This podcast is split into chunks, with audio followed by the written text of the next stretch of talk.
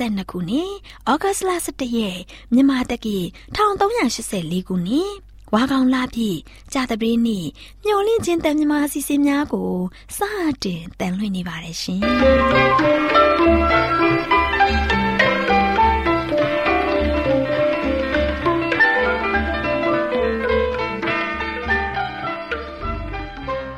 တော်တာရှင်များခင်ဗျာ မျောလင့်ချင်းအတန်မြန်မာအစီအစဉ်ကိုနက်နက်6နာရီမိနစ်30မှ9နာရီအထိ16မီတာ kHz 10923ညညပိုင်း9နာရီမှ9နာရီမိနစ်30အထိ25မီတာ kHz 11943ညမှအတန်လွှင့်ပေးနေပါတယ်ခင်ဗျာဒီကနေ့ကြာသပတေးနေ့မှာထုတ်လွှင့်ပေးမယ့်အစီအစဉ်တွေကပျော်ရွှင်ချမ်းသာခရိယန်သာသနာအစီအစဉ်စံပြအိမ်အောင်ရေးအစီအစဉ်အစာအာဟာရဆိုင်ရာအကြံပေးချက်အစီအစဉ်တို့ဖြစ်ပါတယ်ရှင်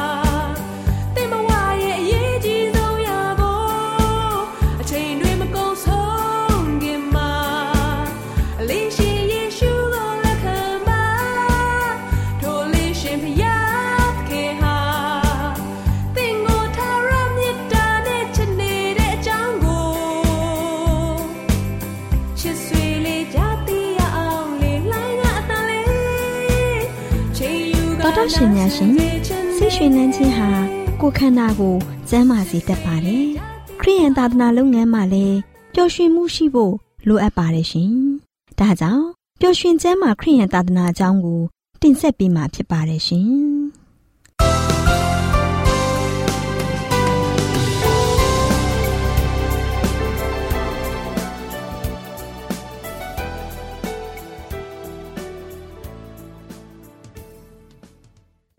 မင်္ဂလာပေါင်းနဲ့ပြည့်ဝနေတဲ့ အခုလိုအချိန်မှာသောတာရှင်များကို မင်္ဂလာပါလို့ဥစွာနှုတ်ခွန်းဆက်သလိုက်ပါတယ်ရှင်သောတာရှင်များရှင်ဝင်းကြီးတော်စာပေဆိုတာလူမျိုးတိုင်းအဆင့်တန်မရွေးပဲကျမ်းမာရေးလူမှုရေးပညာရေးဘာသာရေးတိုးတက်မြင့်မားရေးအတွက်လမ်းညွန်သွန်သင်ပေးနိုင်တဲ့အမှုမြတ်ဆုံးစာပေလို့ပြောနိုင်ပါတယ်ရှင်။ဒါကြောင့်ပျော်ရွှင်ကျမ်းမာခရိယန်သာသနာဆိုတဲ့ဝိညာဉ်စာပေရဲ့လမ်းညွန်သွန်သင်ချက်ကိုကျမအနေနဲ့ကိုတော်ဟာ ကျမတို့ကိုတန်ရှင်းစေနိုင်တယ်ဆိုတဲ့အကြောင်းနဲ့ပတ်သက်ပြီးတင်ပြပေးမှာဖြစ်ပါတယ်ရှင်။သောတာရှင်များရှင်။တစ်ချိန်ကအရှိတိုင်းမှာရှိတဲ့ယောဂတွေနဲ့အနာကြီးယောဂဆွဲကပ်ခြင်းဟာအင်မတန်မှကြောက်စရာကောင်းပါတယ်။ကူးဆက်လွဲကူပြီးမပြောက်ကင်းနိုင်တဲ့ယောဂရဲ့လက္ခဏာနဲ့လူနာပေါ်မှာဆိုးရွားလာတဲ့ဖြစ်စည်းမှုတန်ကြောင့်လူတိုင်းဟာအဲ့ဒီယောဂါကိုအင်မတန်မှကြောက်ကြပါတယ်။ယူဒာလူမျိုးတို့ဟာအဲ့ဒီယောဂါကိုအပြစ်ပြုခြင်းကြောင့် ဖျားသခင်မှဒဏ်ခတ်ခံရတဲ့အပြစ်ရဲ့အခါလို့သတ်မှတ်ပြီးယောဂါရဲ့ကြောက်မဲ့ဖွယ်ကောင်းတဲ့ဆိုးရွားတဲ့လက္ခဏာတွေဟာအပြစ်ကိုတရုပ်ဆောင်တယ်လို့ဆိုခဲ့ပါတယ်။စီရင်ထုံးဖွဲ့မှုတွေနဲ့အညီလူနာကိုမတန့်ရှင်းလို့သတ်မှတ်ပြီးတော့သူကင်တွယ်သမျှအားလုံးကိုမတန့်ရှင်းဘူးလို့သတ်မှတ်ထားတယ်။သူ့ကြောင့်လေထုတော်မှညစ်ညားရပါတယ်။လူနာကိုအသက်ပြောက်တဲ့အလောင်းကောင်လိုပဲသတ်မှတ်ပြီးတော့ လူအတိုင်းအဝိုင်းမှထုတ်ပယ်ကြပါတယ်။အနာကြီးယောဂါဆွဲကတ်တယ်လို့တန်တရားမကင်းခံရတဲ့သူဟာရစ်ပရောဟိတ်မင်းစီကိုသွားရောက်ပြီးတော့စစ်ဆေးခံရတယ်။ရစ်ပရောဟိတ်မင်းရဲ့ဆုံးဖြတ်ချက်ကိုခံယူကြရတယ်။တကယ်လို့အနာကြီးယောဂါဆွဲကတ်တယ်လို့သိကြပါကအဲ့ဒီလူဟာမိမိရဲ့မိသားစုဣသရေလလူမျိုးအတိုက်အဝန်းကိုစွန့်ခွာပြီးတော့မိမိနဲ့ဘဝတူတဲ့လူတွေနဲ့သာပေါင်းဖော်ရတယ်။တိုင်းပြည်ကိုအုပ်ဆိုးတဲ့ မင်းတွေပါမကြံဘူးထီးနှန်းကိုစွန့်ပြီးတော့အဲ့ဒီလိုပြုကျင့်ကြရပါတယ်။မိမိရဲ့မိသားစုမိတ်ဆွေအတိုင်းဝန်းကိုစွန့်ခွာပြီးတော့မိမိရဲ့အခက်အခဲကိုတူးတီကြိတ်မိတ်ခံစားပြီးသွားလေရရမှာမိမိရဲ့ယောဂါကိုမတန့်ရှင်းမတန့်ရှင်းလို့အော်ဟစ်ပြီးကြွေးကြော်ပြီးတော့အဝတ်တွေကိုဆုပ်ဖြဲပြီးပတ်ဝန်းကျင်မှာရှိတဲ့လူတွေကိုတတိပေးရပါတယ်။ဝမ်းနဲ့ကြေကွဲစွာဟစ်အော်လျက်ရှိတဲ့အဲ့ဒီတတိပေးတံဟာ ပတ်ဝန်းကျင်မှာရှိတဲ့လူကောင်းတွေအတွက်အင်မတန်မှကြောက်မဲ့ဖွယ်ကောင်းတဲ့တတိပေးချက်ဖြစ်ပါတယ်။သခင်ယေရှုခရစ်တော်အမှုတော်ဆောင်ခဲ့တဲ့ပတ်ဝန်းကျင်အနီးတစ်ဝိုက်မှာအဲ့ဒီအနာကြီးယောဂဆွဲနေတဲ့သူတွေများစွာရှိခဲ့ပါတယ်။သခင်ခရစ်တော်ရဲ့တည်င်းစကားကိုကြားတဲ့အခါမှာလူနာတူးရဲ့ညှော်လင့်ချက်တန်းလာခဲ့ပါတယ်။တကယ်လို့သခင်ခရစ်တော်စီအရောက်သွားနိုင်မယ်ဆိုရင်မိမိရဲ့ယောဂပျောက်ကင်းမယ်။ဒါပေမဲ့သခင်ခရစ်တော်ကိုဘယ်လိုရှာဖွေရမှာလဲ။ မိမိရဲ့ဆိုးရွားတဲ့ယောဂအခြေအနေကြောင့်သခင်ခရစ်တော်စီကိုဘယ်လိုအကူအညီတောင်းခံရမှာလဲ။ကိုတော်ဟာသူ့ကိုကူညီပါမလားဒါမှမဟုတ်ဖာရိရှဲတွေနဲ့ဆရာဝန်တွေလိုပဲသူ့ကိုကြိမ်ဆဲပြီးလူအတိုက်အဝန်းမှမောင်းထုတ်မှလားဆိုတဲ့အတွေးတွေဝင်လာပါတယ်။လူနာဟာသခင်ခရစ်တော်နဲ့ပတ်သက်ပြီးမိမိကြားခဲ့သမျှကိုစဉ်းစားပြီးတော့ကိုရောယေရှုဟာအခက်အခဲတွေးနေတဲ့သူကို ဘယ်သူကိုမှညှင်းပယ်ခဲ့ခြင်းမရှိကြောင်းကိုတတိပြုပြီးတော့သခင်ခရစ်တော်ကိုတွေ့အောင်ရှာဖို့ဆုံးဖြတ်ချက်ချခဲ့ပါတယ်။သူဟာမြို့ထဲကိုမဝင်နိုင်ပေမဲ့မြို့ပြင်လမ်းတစ်ဘေးမှာတောင်ဆောင်တွေမှာတရားတော်ဟောကြားလျက်ရှိတဲ့အချိန်အခါနဲ့ကြုံကြိုက်ဖို့မျှော်လင့်ချက်ထားရှိခဲ့တယ်။အခက်ခဲများစွာရှိပေမဲ့အဲ့ဒီလူအတွက်မျှော်လင့်ချက်တစုံတစ်ခုမှမရှိခဲ့ပါဘူး။တနေ့တော့အလားဝေးကွာနေတဲ့နေရာမှာအနာကြီးယောဂလူနာဟာ စောင့်မြုပ်ပြီးတော့ယေရှုခရစ်တော်ရဲ့တရားတော်တွေကိုမကြားတစ်ချက်ကြားတစ်ချက်နဲ့နားနေပါတယ်။တစ်ချိန်တည်းမှာပဲဖျားနာလျက်ရှိတဲ့သူတွေမျက်စိကန်းတဲ့သူတွေနားပင်းတဲ့သူတွေကိုယ်ရင်ကမတန်မစွမ်းတဲ့သူတွေနဲ့တခြားယောဂအမျိုးမျိုးကိုခံစားနေရတဲ့သူတွေပေါ်လက်တော်ကိုတင်းပြီးတော့လက်တော်ကိုဆန့်တန်းပြီးတော့ပျောက်ကင်းစေတဲ့သခင်ယေရှုခရစ်တော်ကိုလည်းသူမြင်နေရပါတယ်။ယောဂတွေဟာပျောက်ကင်းပြီး ဖျားသခင်ရဲ့ဘုန်းတော်ကိုချီးမွမ်းလက်နေတဲ့သူတွေကိုမြင်တဲ့အခါမှာအဲ့ဒီလူနာဟာယုံကြည်ခြင်းပို့ပြီးတော့တိုးပွားလာပြီးတော့လူအုပ်အနီးကိုတဖြည်းဖြည်းနဲ့နီးကပ်လာပါတယ်မိမိမှာထားရှိတဲ့ချုပ်ချယ်တားမြစ်ချက်တွေလူတို့ရဲ့ကြောက်ရွံ့မှုတွေကိုမှစ်ပြောက်ပြီးတော့ယောဂပျောက်ကင်းစေဖို့မျှော်လင့်ချက်နဲ့သခင်ခရစ်တော်စီသွားခဲ့ပါတယ်ယောဂရဲ့ဒဏ်ကိုအလူးလဲခံစားရပြီးတကိုယ်လုံးပျက်စီးလျက်ရှိတဲ့ အင်မတန်မှဆိုးရွားတဲ့အနာကြီးယောဂဆွဲတဲ့သူကိုမြင်တဲ့အခါမှာ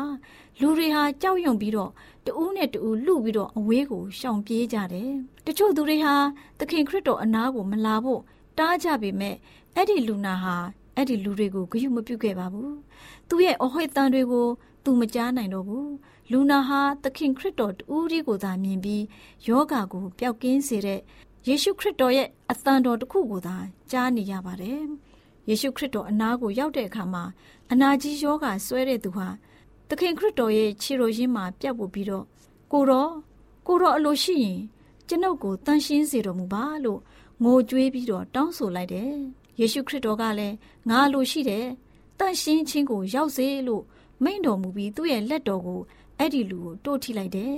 အနာကြီးယောဂဆွဲကပ်နေတဲ့သူဟာချက်ချင်းပဲပြောင်းလဲပြီးသွေးသားတွေစိုးပြေလာပြီးတော့ အကျော်အမြင်တွေလှုပ်ရှားလာတယ်ကြွက်သားတွေလည်းခိုင်မာလာတယ်အနာကြီးယောဂဆွဲပြီး၆သွေ့ကွဲအက်ပြီးတော့အဖြူကွက်တွေရှိတဲ့အသားရည်ဟာခလေးငယ်ရဲ့အသားရည်လိုပဲကျမ်းမာလာခဲ့တယ်ယေရှုခရစ်တော်ကိုမုန်းတီးလျက်ရှိတဲ့ပါရိရှဲတွေဟာအဲ့ဒီအဖြစ်အပျက်ကိုသိရှိပါကယောဂပျောက်ကင်းခဲ့တဲ့အဲ့ဒီလူကိုမတရားဆုံးဖြတ်မယ်စိုးရိမ်တဲ့အတွက်ကြောင့်မိမိရဲ့တည်မပြန့်ပွားမီ ဘယ်သူတူဦးတယောက်ကိုမှမပြောဘဲချက်ချင်းရစ်ပရောဟိတ်မင်းစီကို ပြပြီးတော့ပူဇော်တက္ကတွေကို ပြုတ်လုပ်ဖို့ခိုင်းလိုက်တယ်။ဖာရိရှဲတွေဟာပူဇော်တက္ကတွေကို မလက်ခံမီလူနာကိုယောဂပျောက်ကင်းကြောင်းကို အတီးပြုတ်ပါတယ်။ဆန်းစစ်မှုတွေပြုတ်လုပ်ပြီးတဲ့အခါမှာအနာကြီးယောဂရှိတဲ့သူအဖြစ်တတ်မှတ်တဲ့ရစ်ပရောဟိတ်မင်းဟာတဖန်ပြန်ပြီးတော့အဲ့ဒီလူကိုယောဂပျောက်ကြောင်းတက်တည်ခံရတယ်။နောက်ပြီးယောဂပျောက်တဲ့အခါ သူဟာမိမိရဲ့ပတ်ဝန်းကျင်နဲ့မိသားစုကိုပြန်ခွင့်ရပါတယ်။အဲ့ဒီလူဟာမိမိရဲ့ကျမ်းမာရေးကိုအင်မတန်မှတန်ဖိုးထားပြီးတော့မိသားစုအသက်အဝန်းအလဲကိုပြန်ရောက်လာခွင့်ရတဲ့အတွက်ကြောင့်ပျော်ရွှင်ဝမ်းသာလို့မဆုံးဖြစ်ခဲ့ရပါတယ်။ယေရှုခရစ်တော်ကတားမြစ်ခဲ့ပေမဲ့ယောဂပျောက်တဲ့သူဟာမိမိရဲ့အဖြစ်အပျက်ကိုမဖုံးကွယ်ထားနိုင်တော့ဘဲနေရအနှံ့ကိုသွားပြီးတော့တက်တည်ခံခဲ့ပါတယ်။ တပည့်တော်တွေဟာအနာကြီးယောဂဆွဲတဲ့သူကိုမကင်ဖို့ယေရှုခရစ်တော်ကိုတားဖို့ကြိုးစားပေမဲ့ယေရှုခရစ်တော်ဟာထိခိုက်ခြင်းမရှိဘဲအနာကြီးယောဂဆွဲတဲ့သူသာယောဂပျောက်ကင်းခဲ့ရပါတယ်။ဦးခေါင်းဟာအနာသက်သာလေးရှိတယ်။နှလုံးဟာလည်းခွန်အားအလေးမရှိခြေဖွားမှသည်စပြီးတော့ဦးခေါင်းတိုင်အောင်ကျမ်းမာခြင်းမရှိဆုပ်ရှက်တဲ့အနာထိခိုက်ပြီးရောင်တဲ့အနာရည်ရွယ်တဲ့အနာတက်တက်ရှိတယ်။ အဲ့ဒီအနာကိုမနှိပ်မနှဲအခုနဲ့မစီရသေးပဲဖျောင်းစီနဲ့မပြော့စီရသေးပါဘူး။ဆိုးရွားတဲ့အပြစ်အနာကြီးယောဂတဲ့အမြင့်တွေတွေ့ညှိပြီးတော့လူခွန်အားနဲ့မဖယ်ရှားနိုင်ပေမဲ့ဒီလောကကိုဆင်းသက်ခဲ့တဲ့ယေရှုခရစ်တော်ဟာညဉ့်ညူးခြင်းမရှိခဲ့ပါဘူး။ကိုတော်ရဲ့ကြွရောက်ခြင်းဟာအပြစ်သားတွေအတွက်အပြစ်မှပျောက်ကင်းမှုတကိုးကိုပေးခဲ့ပါတယ်။ယုံကြည်ခြင်းအပြင်ကိုရောရဲ့ခြေတော်ရင်းမှာပြတ်ဝတ်လျက် ကိုရောအလိုရှိရင်ကျွန်ုပ်ကိုတန်ရှင်းစေနိုင်တော်မူပါတယ်လို့ဆိုလာသူတိုင်းကိုကိုရောရှင်ကငါလိုရှိ၏တန်ရှင်းခြင်းသို့ရောက်စေလို့ပြန်ဖြေတော်မူပါတယ်။တချို့လူနာတွေကိုကိုရောဟာချက်ချင်းပျောက်ကင်းစေပေမဲ့အနာကြီးယောဂဆွဲတဲ့ယောဂကိုချက်ချင်းပျောက်ကင်းစေမှုမပြုပါဘူး။ထို့အတူအဲ့ဒီလောကနဲ့ဆက်ဆိုင်တဲ့အရာတွေအတွက်ဆူတောင်းတဲ့အခါမှာကိုရောဟာတခါတလေ ကျွန်ုပ်တို့ဤဆူတောင်းတန်တွေကိုချက်ချင်းနားမညောင်းပါဘူးဒါမှမဟုတ်ကျမတို့မတောင်းဆိုတဲ့တခြားနည်းနဲ့ကျမတို့ကိုမားစပေမဲ့အပြစ်ကင်းလွတ်ခွင့်ကိုတောင်းလို့ရှိရင်ကျမတို့ရဲ့တောင်းလျှောက်တန်ကိုကိုရရှင်ဟာချက်ချင်းနားညောင်းတော်မူပါတယ်။သခင်ယေရှုခရစ်တော်ကငါတို့အဘဒီဟုသောဖျားသခင်၏အလိုတော်နှင့်အညီဆိုးညစ်သောဤလွန်ခဲ့သောဘဝမှာငါတို့ကိုကယ်နှုတ်ခြင်းကငါတို့အပြစ်ကြောင့်ကိုကိုကိုအပ်ပေးတော်မူ၏ ဆိုပြီးနှုတ်ကပတ်တော်ကဖော်ပြခဲ့တယ်ငါတို့သည်ဖျားသခင်အထံတော်၌ရဲရင်ခြင်းအကြောင်းမူကားငါတို့သည်အလိုတော်နှင့်အညီတစုံတစ်ခုသောဆုကိုတောင်းလျှောက်လျင်ဖျားသခင်သည်နားထောင်တော်မူ၏ဆုတောင်းသမျှသောစကားတို့ကိုနားထောင်တော်မူသည်ကိုငါတို့သိလျင်အထံတော်၌တောင်းသောဆုတို့ကိုရမည်ဟုသိရကြ၏လို့နှုတ်ကပတ်တော်ကလည်းဖော်ပြထားပါတယ်။သောတာရှင်များရှင်ဒီအကြောင်းအရာကိုကြားနာသိရှိရခြင်းသောတာရှင်များကို လူသူတယောက်ရဲ့အားနဲ့ချက်ကိုလူသူတယောက်ရဲ့အမှားတစ်ခုအတွက်နဲ့သိချင်လာမလားစဉ်းစားပါသင်သည်လည်းပဲဖြူစင်သလားသင်ရဲ့ဘဝမှာဘယ်သူကများ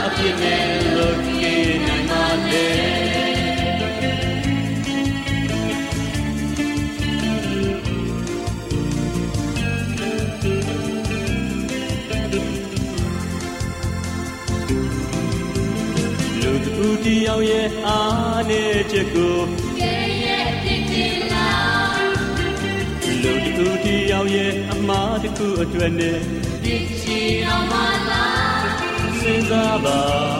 သင်သည်လည်းပဲဖြူစင်သလားသင်ရဲ့ဘဝမှာဘယ်သူကများအပြစ်နဲ့လွတ်ပြေနိုင်မှာလဲကိုတော်မိန်တ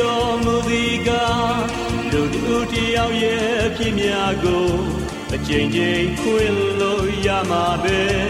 ဆိုခဲ့တယ်ကိုဟစ်ဆက်ဆိုင်တော်သူကိုစင်လာခွင်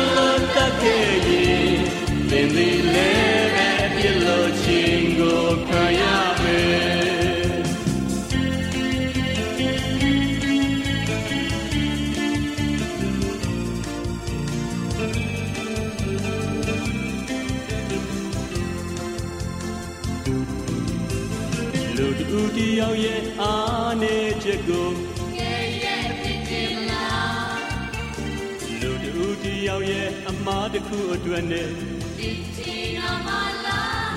စဉ်းစားပါသင်သည်လည်းပဲတော်တာရှင်များအားလုံးမင်္ဂလာပါရှင်ခုချိန်မှာနောက်မိုးအတွက်ပြင်ဆင်ခြင်းဆိုတဲ့စာအုပ်ထဲကခရစ်တော်ဤစိတ်တော်ဆိုတဲ့အကြောင်းအရာနဲ့ပတ်သက်ပြီးတင်ဆက်ပေးခြင်းပါတယ်ရှင်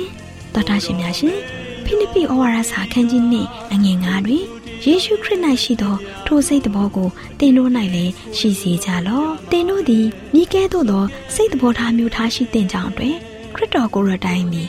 တင်တို့ဤဆန္ဒမူနာဖြစ်သည်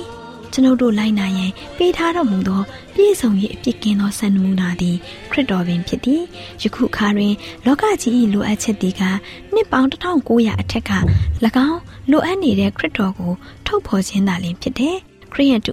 ခရိယန်တူဖြစ်ခြင်းသည် ခရစ်တော်၏အမည်နာမကိုယူခြင်းသာမဟုတ်ဘဲခရစ်တော်၏စိတ်တော်မျိုးကိုမွေးမြူခြင်းနှင့်ခတ်သိမ်းသောအရာတို့တွင်ဖျားသခင်အလိုတော်ကိုဝန်ခံခြင်းဖြစ်သည်နာမည်ကျော်ပညာရှင်ကြီးတူဖြစ်သောဒေါက်တာအယ်ဆန်ထရူပလတ်ဆိုသူကခရစ်တော်ဤစိတ်တော်ကိုလက်တွေ့ပြသမည်မှန်ကန်သောအသင်းတော်ဖြစ်၍ချစ်ဖွယ်သောလူစုလူဝေးမျိုးပေါ်ထွန်းလာသည်ကိုကျွန်ုပ်တို့ရှာဖွေစောင့်မျှော်လျက်ရှိသည်ဟုမိန့်ကြားခဲ့ပူပါသည်အောက်ပါကောက်နှုတ်ချက်များက ခရစ်တော်သည်ခမဲတော်အပေါ်၌မြည်မြအမိတကယ်ပြုသည်ကိုဖော်ပြသည်ကိုရောသည်ကျွန်ုပ်တို့၏စံနမူနာဖြစ်သည်ထို့ကြောင့်ခရစ်တော်သည်လူစားတိ၌ဖျားသခင်၏တကူတော်ကိုအမိတကယ်ပြုရတော်မူသည်ကိုရောကငါသည်ကိုယ်အလိုလျောက်အဖေအမှုကိုမျှမပြုနိုင်ဟုမိန့်တော်မူခဲ့ပူသည်လိုင်းတဘိုးကိုရင်ဆိုင်ရန်ကျိန်းဆက်နေတော်မူသောယေရှုကို နှိုးကြသောအခါကိုရော၌ပြည့်စုံသောငြိမ်သက်ခြင်းရှိတော်မူသည်စကားပြောတော်မူရာ၌၎င်းပုံတရံတော်၌၎င်းကြောက်ရွံ့သောအရေးအယောင်မရှိအဘယ်ကြောင့်ဆိုသောကိုရော၌ကြောက်ရွံ့သောစိတ်မရှိသို့တော်လည်းကိုရောသည်မဟာတကိုးပိုင်တတော်မူခြင်းကိုအားထားခြင်းပြုတော်မမူကိုရောသည်ကောင်းကင်မြေကြီးသမုတ်တရားနှင့်စမ်းရည်တွင်တို့ကိုဖန်ဆင်းတော်မူသောအရှင်သခင်အနေဖြင့်စိတ်ငြိမ်စွာကျင်းဆက်နေတော်မူသည်မဟုတ်၎င်းတကိုးတော်ကိုဘေးဖယ်ထားတော်မူခဲ့၍ ငါသည်ကိုယ်အလိုအလျောက်အဖေအမှုကိုများမပြုနိုင်ဟုမိန်တော်မူသည်ယောဟန်ခန်းကြီးက အငယ်30ကိုတော်သည်ခမဲတော်ဤဘုံတကူကိုယုံကြည်ကိုးစားတော်မူသည်ဖျားသခင်ကိုတော်ဤမေတ္တာတော်နှင့်စောင့်ထိန်တော်မူခြင်းကိုယုံကြည်တော်မူလေအနားယူနေတော်မူသည်လိုင်းတပိုးကိုငြိမ်သက်စေသောအမိန်တော်ဤတကူသည်ဖျားသခင်ဤတကူတော်ဖြစ်၏ယေရှုကငါ၌တည်နေတော်မူသောခမဲတော်သည် ပြုတော်မူ၏ဟုမိန်တော်မူသည်ရှင်ယောဟန်ခန်းကြီး14အငယ်30မှာတွေ့နိုင်တယ်ကျွန်ုပ်တို့အားယေရှုကငါနှင့်ကြွာလင်တင်တို့သည် အဘေအမှုကိုများမတတ်နိုင်ဟုမိန်တော်မူခဲ့သည်ရှင်ယောဟန်ခန်းကြီး15အငယ်9မှာတွေ့နိုင်သည်ကျွန်ုပ်တို့ကျင့်သုံးကြသည့်ကောင်းမြတ်သောအကျင့်သီလများသည်ကျွန်ုပ်တို့ကိုကိုယ်တိုင်ဤပြင်ပလောက၌ရှိသောတကူတော်ပေါ်တွင် အမိတကယ်ပြုနေသည်ကျွန်ုပ်တို့သည်လောကီအသင်းတော်အခြေအနေ၌ယက်တည်နေကြသောအခါကျွန်ုပ်တို့၏လိုအပ်ချက်ကိုကျွန်ုပ်တို့မသိရှိကြ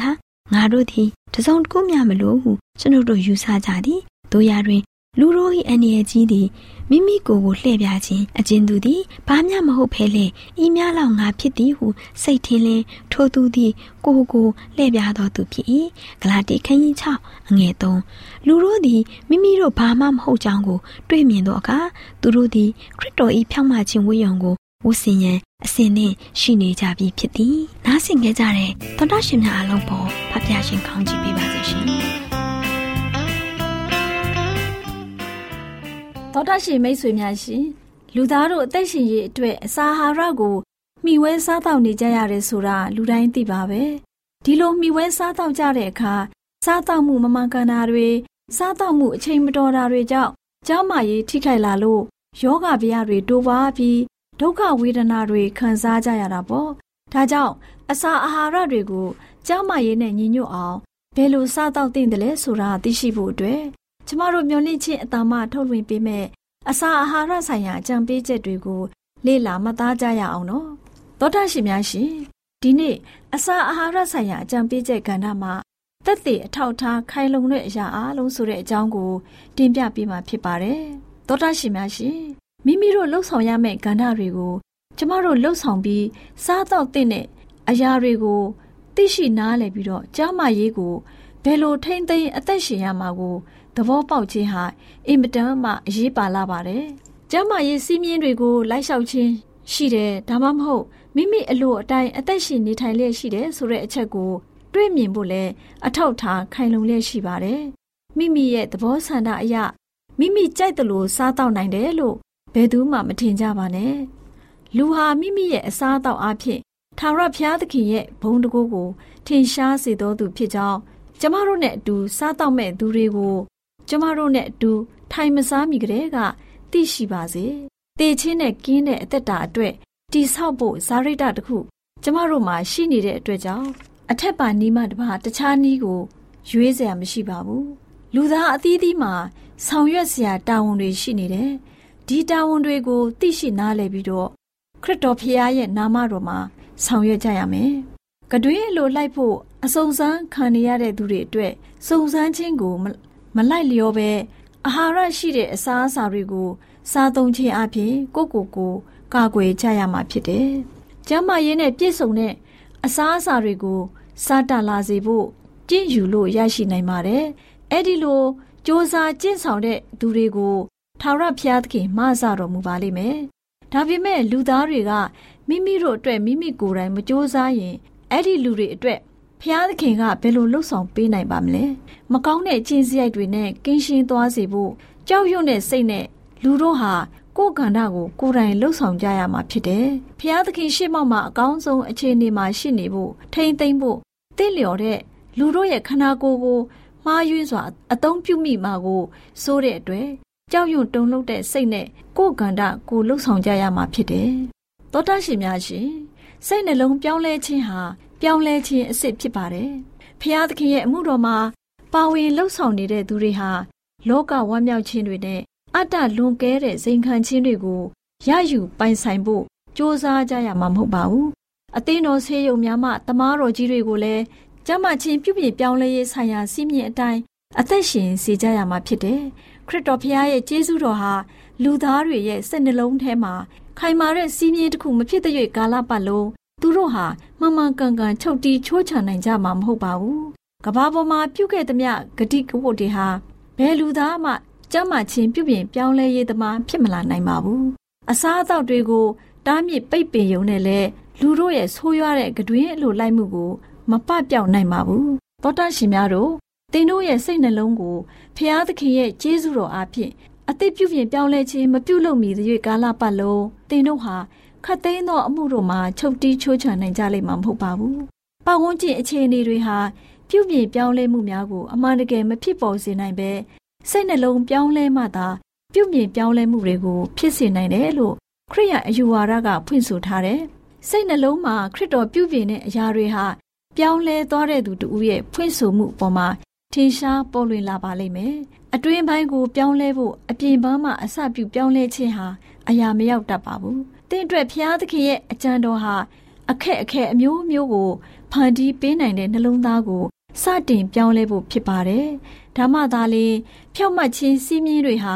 စိတ်နှလုံးထဲမှထွက်ပေါ်လာပြီးပြုပြင်ပြောင်းလဲမှုတွေဟာလည်းအတွင်းပိုင်းမှာဖြစ်တယ်လို့အပြင်ပန်းမှာလည်းဖြစ်ပေါ်လာပါလိမ့်မယ်။ဖျားသခင်ရဲ့အမိန့်တော်အတိုင်းနှုတ်ထွက်စကားတွေနဲ့ဝိညာဉ်တော်စာဆောင်များမှတဆင့်ရရှိတဲ့အလင်းတရားတွေအရအသက်တာအဆင့်တန်းကိုတတ်နိုင်သမျှ မြင့်တင်နေသူတွေဟာနဲများမဟူသောဆွေမျိုးမိတ်ဆွေတင်ဂဟတွေနဲ့ဆန္ဒနဲ့ကိုက်ညီအောင်မိမိတို့ရဲ့အသက်တာပုံစံကို ပြောင်းလဲပြစ်ကြလိမ့်မှာမဟုတ်ဘူးလူတို့ဟာအာဟာရဆိုင်ရာစီးမြင်တွေကိုတိတိကျကျလိုက်လျှောက်ပြီးတော့ဖျားသခင်ရဲ့အလိုတော်နဲ့အညီစားတော့ကြမယ်ဆိုရင်ဖျားသခင်ရဲ့စိတ်တော်နဲ့တွေ့တဲ့သူများဖြစ်ကြပါလိမ့်မယ်ဆိုတဲ့အကြောင်းကို အစာအာဟာရဆိုင်ရာအကြံပေးကဏ္ဍမှာကျမ်းမာရေးအတွက်အကြံပေးတင်ပြလိုက်ပါရရှင်သောတာရှင်များရှင် ကျမတို့ရဲ့ဗျာဒိတ်တော်စာပေးစာယူသင်တန်းဌာနမှာ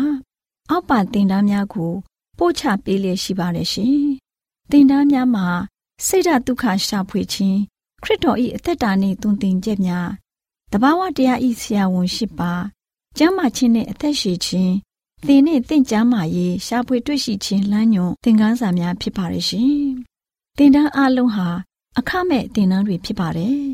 ဖြစ်ဆိုပြီးတဲ့သူတိုင်းကို ဂုံပြုလွှာချီးမြှင့်ပေးမှာဖြစ်ပါရဲ့ရှင်တော်တာရှင်များခင်ဗျာဗျာတိတော်အတန်းစာပေးစာယူဌာနကိုဆက်သွယ်ခြင်းနဲ့ဆိုရင်တော့ဆက်သွယ်ရမယ့်ဖုန်းနံပါတ်ကတော့39 656 296 336နဲ့39 98 316 694ကိုဆက်သွင်းနိုင်ပါတယ်။ဓာတ်တော်အတန်းစာပေးစာဥထာဏာကိုအီးမေးလ်နဲ့ဆက်သွယ်ခြင်းနဲ့ဆိုရင်တော့ l a l r a w n g b a w l a @gmail.com ကိုဆက်သွင်းနိုင်ပါတယ်။ဓာတ်တော်အတန်းစာပေးစာဥထာဏာကို Facebook နဲ့ဆက်သွယ်ခြင်းနဲ့ဆိုရင်တော့ S O E S A N D A R Facebook အကောင့်မှာဆက်သွင်းနိုင်ပါတယ်။ AWR မျော်လင့်ခြင်းတန်ကိုအားပေးနေတယ်တော်တာရှင်များရှင်မျော်လင့်ခြင်းတန်မှာအကြောင်းအရာတွေကိုပုံမသိရှိပြီးဖုန်းနဲ့ဆက်သွယ်လိုပါက39ကို2939 3926ခွန်45နောက်ထပ်ဖုန်းတစ်လုံးနေနဲ့39ကို688 664 48ခွန်ကိုဆက်သွယ်နိုင်ပါတယ်ရှင် AWR မျော်လင့်ခြင်းအတန်ကိုအားပေးနေတဲ့တောတာရှင်များခင်ဗျာမျော်လင့်ခြင်းအတန်ကအကြောင်းအရာတွေကိုပုံမသိရှိလိုပြီးတော့ ဖုန်းနဲ့ဆက်သွယ်လို့မယ်ဆိုရင်တော့39 253 326ခွန်45နဲ့39 688 464 48ခွန်ကိုဆက်သွင်းနိုင်ပါတယ်။တောတာရှင်များရှင် KSTA အာကခွန်ကျွန်းမှာ AWR မျိုးလင့်ချင်းအတံမြန်မာအစီအစဉ်များကိုအတံလွှင့်တဲ့ခြင်းဖြစ်ပါတယ်ရှင်။ AWR မျိုးလင့်ချင်းအတံကိုနာတော်တာဆင် gay ကြတော့တောတာရှင်အရောက်တိုင်းပေါ်မှာ ဖျားသခင်ရဲ့ကြွယ်ဝစွာသောကောင်းကြီးမင်္ဂလာတက်ရောက်ပါစေကိုစိတ်နှဖျားကျမ်းမာရွှင်လန်းကြပါစေကျေးဇူးတင်ပါတယ်ခင်ဗျာ